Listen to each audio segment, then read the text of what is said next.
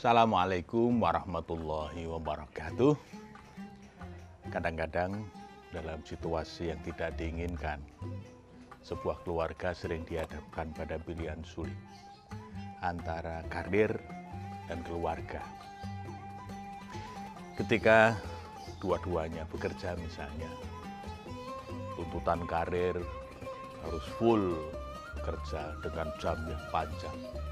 Di satu sisi tentu kebutuhan keluarga juga memerlukan perhatian yang lebih sungguh-sungguh. Dari pengalaman ada yang kemudian memilih salah satu. Ada yang mendorong sepenuhnya kepada pekerjaan sehingga dia sukses secara profesional. Tetapi keluarganya bermasalah. Ada juga yang memilih sebaliknya, dia mengutamakan keluarga sehingga ya meskipun karirnya tidak begitu luar biasa, tetapi dari sisi keutuhan dan keharmonisan keluarga menjadi lebih berkualitas. Nah, dalam psikologi ada istilah yang disebut dengan work-life balance, yaitu menjaga keseimbangan antara kerja dan keluarga. Sebetulnya yang tidak hanya kerja dan keluarga, tapi keseimbangan itu menyangkut kehidupan personal, kemudian kehidupan profesional, kehidupan family, keluarga, dan kehidupan sosial. Memang tidak selalu mudah bagaimana kita bisa menjaga keseimbangan antara kehidupan pribadi, kehidupan profesional, kehidupan keluarga, dan kehidupan sosial. Tapi apa pun itu yang harus diusahakan. Karena ketika ada ketimpangan di salah satu, misalnya kita mengutamakan keluarga, karena memang keluarga sedang membutuhkan perhatian kita yang luar biasa. Fine, kita kemudian konsentrasi di situ. Mungkin untuk sementara karir agak ditahan. Tapi kemudian ketika anak-anak sudah mulai besar, sudah mulai bisa mandiri, sudah mulai bisa diajak bekerja sama dengan lebih baik untuk menyelesaikan tugas-tugas keluarga, mungkin karir bisa didorong kembali. Begitu juga sebaliknya, di mana kita harus fight untuk pekerjaan misalnya, tentu kehidupan personal kadang-kadang tidak bisa sepenuhnya bisa kita penuhi. Hobi yang tadinya misalnya hobi memelihara burung atau memancing atau mungkin sepedaan. Karena tuntutan pekerjaan, ya kehidupan personalnya mungkin tidak bisa optimal. Atau kehidupan sosial yang tidak bisa optimal karena kesibukan atau tugas-tugas di luar kota, maka bagaimana relasi sosial di sekitar rumah, di kampung, kadang-kadang tidak bisa optimal. Tetapi yang penting apa? Yang pertama harus ada awareness bahwa keseimbangan, work-life balance ini harus dilakukan dengan lebih bersungguh-sungguh. Jadi sejak awal itu memang sudah diniatkan untuk bagaimana pada titik tertentu itu harus terjadi keseimbangan bahwa di tahap-tahap tertentu ada sedikit yang dikorbankan, yaitu bagian dari dinamika. Tetapi pada akhirnya, kalau kita ingin merasakan sebuah keberhasilan yang sesungguhnya, nah di semua lini itu harus kita bikin balance. Nah yang kedua, kita bersyukur karena kemajuan teknologi itu membuat pekerjaan, jam kerja, cara kerja itu menjadi lebih fleksibel.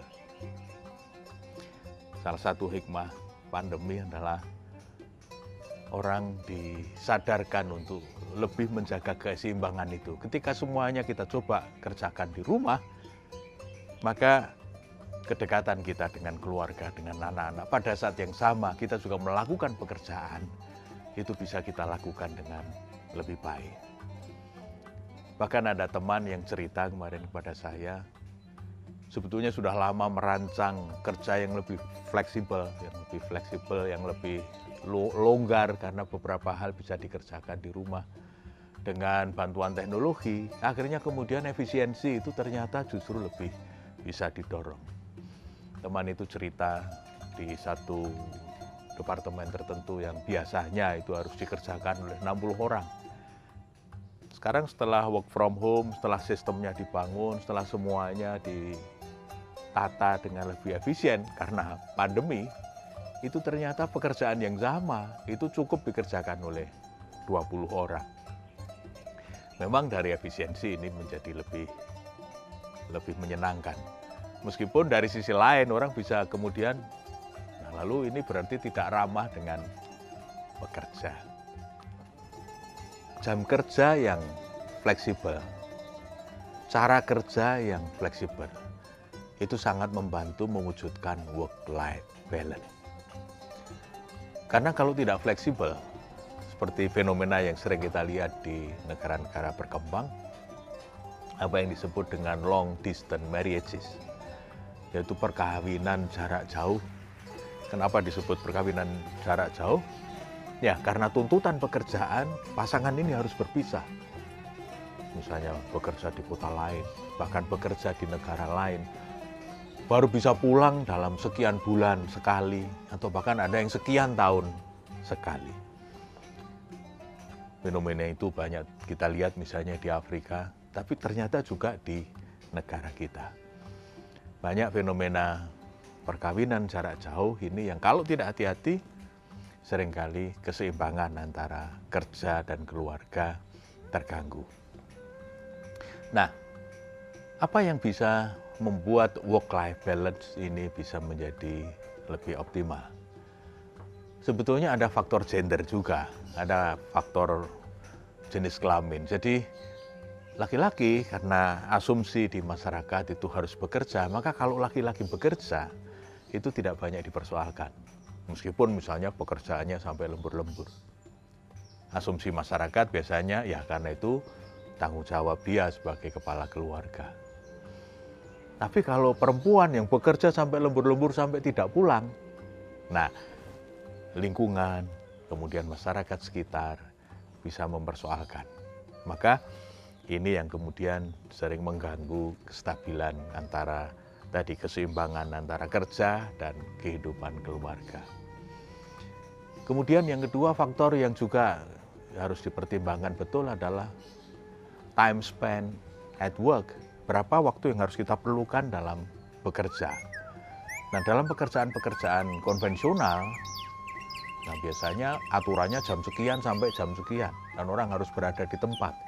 Nah ketika aturan kerja tidak fleksibel seperti ini, memang kendala untuk menjaga keseimbangan antara karir dan keluarga menjadi tidak mudah. Tapi bukan berarti bahwa yang tidak punya jam kantoran yang kaku itu keseimbangannya akan jalan dengan baik. Kadang-kadang pengusaha yang dia sendiri sebagai pengusahanya karena keasikan bekerja, nah kadang keseimbangan antara kerja dan keluarga menjadi terganggu. Yang ketiga ini soal family karakteristik siapa yang bekerja? Kan ada ada keluarga yang dua-duanya bekerja. Nah, kalau dua-duanya bekerja, bagaimana cara mereka mengaturnya? Ada yang bekerjanya salah satu, ada yang suaminya, ada yang istrinya. Karena di dalam agama, misalnya kita lihat firman Allah di dalam Al-Quran, surat An-Nisa ayat 34. Ar-rijalu qawwamuna 'alan nisa bima fadlallahu ba'duhum 'ala ba'din wabima anfaku min amwalihim. Kenapa disebut laki-laki misalnya dianggap sebagai pelindung atau dalam tafsir lain dikatakan sebagai pemimpin keluarga, kepala keluarga. Itu karena bima fadlallah ba'duhum ala ba'din.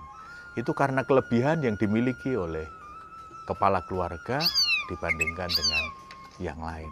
Artinya apa? dia akan bisa menjadi pemimpin yang baik kalau dia punya kelebihan. Jangan menuntut hanya menjadi pemimpin, tetapi tidak menunjukkan bahwa dia punya kapasitas lebih dibanding jamaahnya. Maka ayat ini memberikan pelajaran kepada kita, kalau kita ingin menjadi pemimpin yang baik, tunjukkan kelebihan kita dibandingkan dengan anak buah. Ketika kita misalnya lebih expert, atau dalam bahasa psikologi sering disebut dengan istilah expert power, punya keahlian lebih dibandingkan dengan anak-anak atau bahkan dengan pasangan kita. maka power kita kepada anak buah itu menjadi lebih kuat. Pengaruh kita kepada yang kita pimpin itu menjadi lebih baik. Maka kalau kita lebih powerful dalam hal ini karena kelebihan yang kita miliki, mungkin lebih ahli, mungkin lebih tahu informasi, mungkin lebih terampil. Nah, maka ketika kita mengelola bagaimana secara bersama-sama kita coba bangun keseimbangan soal kehidupan pribadi, keluarga, kerja, dan sosial, itu enak karena kita punya kelebihan. Yang kedua, wabima amfaku min amwalihim. Dalam bahasa psikologi karena ada kelebihan infak, nafkah yang kita berikan. Ini yang disebut dengan reward power. Kekuatan reward itu luar biasa. Kalau kita sering memberi sesuatu kepada orang lain, maka biasanya orang lain itu lebih mudah untuk mengikuti apa yang kita mau. Karena apa? Kita sering berbagi. Orang tua sering mengatakannya balas budi. Nah, karena kita sering menebar budi dalam tanda petik, maka orang juga akan kembali membalas kebaikan kita itu dengan kebaikan. Nah, maka apa yang perlu kita usahakan adalah kita tunjukkan bahwa kita punya kapasitas untuk mengatur, kita juga punya sesuatu yang kita bagikan kepada sekitar. Supaya apa? Otoritas kita menjadi lebih baik, power kita menjadi lebih kelihatan, sehingga mengatur dinamika supaya keseimbangan itu bisa diraih, itu menjadi lebih mudah. Karena itu pemirsa, sukses kerja itu hebat. Sukses kerja dan keluarga itu istimewa. Sukses kerja, keluarga, dan sosial itu baru luar biasa. Assalamualaikum warahmatullahi wabarakatuh.